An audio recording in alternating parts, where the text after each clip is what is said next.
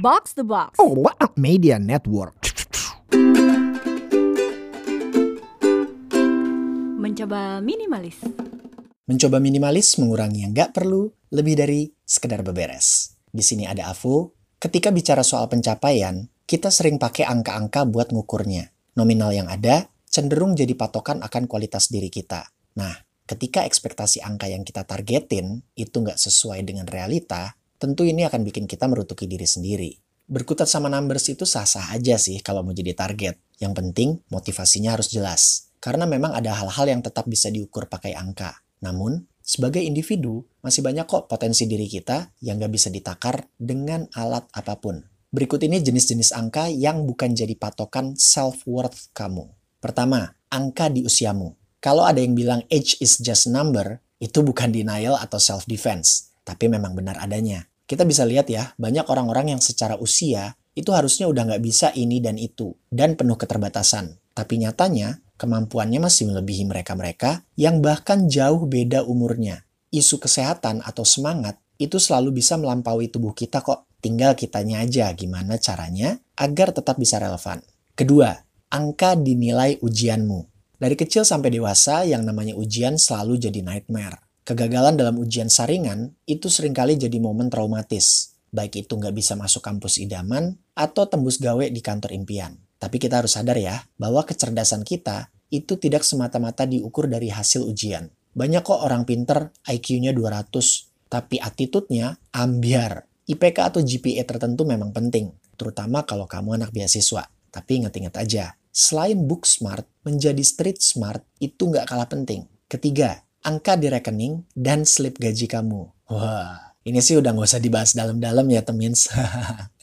Kita setuju ya bahwa tingkat kelayakan hidup itu memang sahih dan valid. Apalagi kalau tinggalnya di kota-kota besar macam Jakarta Gotham City. Skill negosiasi, attitude, dan networking itu memang berperan dalam menentukan jumlah penghasilanmu. Tapi kita pun sadar, banyak orang-orang yang nyatanya masih underpaid atau overpaid.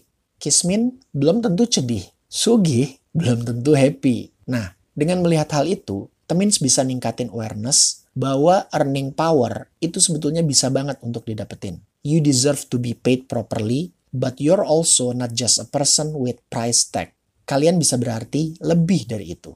4. Angka timbangan berat badan kamu. Secara medis, kita setuju ya bahwa ukuran fisik seseorang itu punya range berat badan yang dirasa ideal atau aman. Temins juga pasti sebel ya kalau misalnya lagi gagal diet atau gagal gemuk. Gue paham banget kok. gue juga lagi struggle nih. Nah, perihal berat badan itu memang selalu jadi isu sensitif. Tapi di sini, gue mau encourage Temins agar fokusin aja sama pola hidup sehat sambil tetap menerima diri sendiri. Karena baik itu gendat atau langsing, Gak akan ada gunanya deh kalau kitanya nggak sehat. Pokoknya sans aja. Real people, real body. Wih. Kelima, angka likes atau followers di Instagram atau subscriber YouTube kamu. Wow. Baik netizen, influencer, pasti akan selalu nyantol sama urusan angka. The more the merrier. Padahal ketika dilihat-lihat lagi, banyaknya likes, followers, subscribers, atau views itu bukanlah patokan bahwa seseorang itu jos atau otomatis bikin mereka happy. Sebagian besar mungkin malah terjebak jadi budak likes ya, atau kena adiksi sosmed. Dulu gue juga pernah kok ngalamin masa-masa di mana kerjaan gue itu melototin angka statistik mulu dari Spotify. Penasaran aja gitu, gimana rasanya kalau MM bisa meraih puluhan ribu listeners. Wow.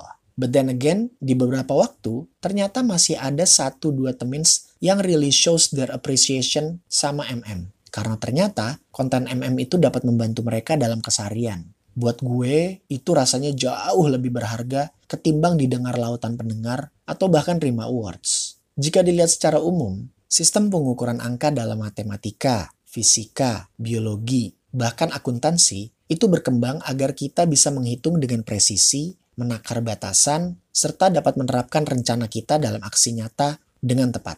Tapi kalau bicara kualitas diri, tentu nggak hanya diukur dari angka semata. Jumlah banyak belum tentu genah. Jumlah sedikit belum tentu artinya buruk. Silakan pakai angka untuk menentukan target temins. Tapi jangan lupa, berapapun angkanya, temins akan tetap berharga. Dengan potensi-potensi lainnya yang beragam. Itu tadi angka-angka yang nggak perlu jadi patokan self-worth-nya temins. Mudah-mudahan bisa bermanfaat ya. Kita ketemu di episode selanjutnya. Avo Chaps. Mencoba minimalis.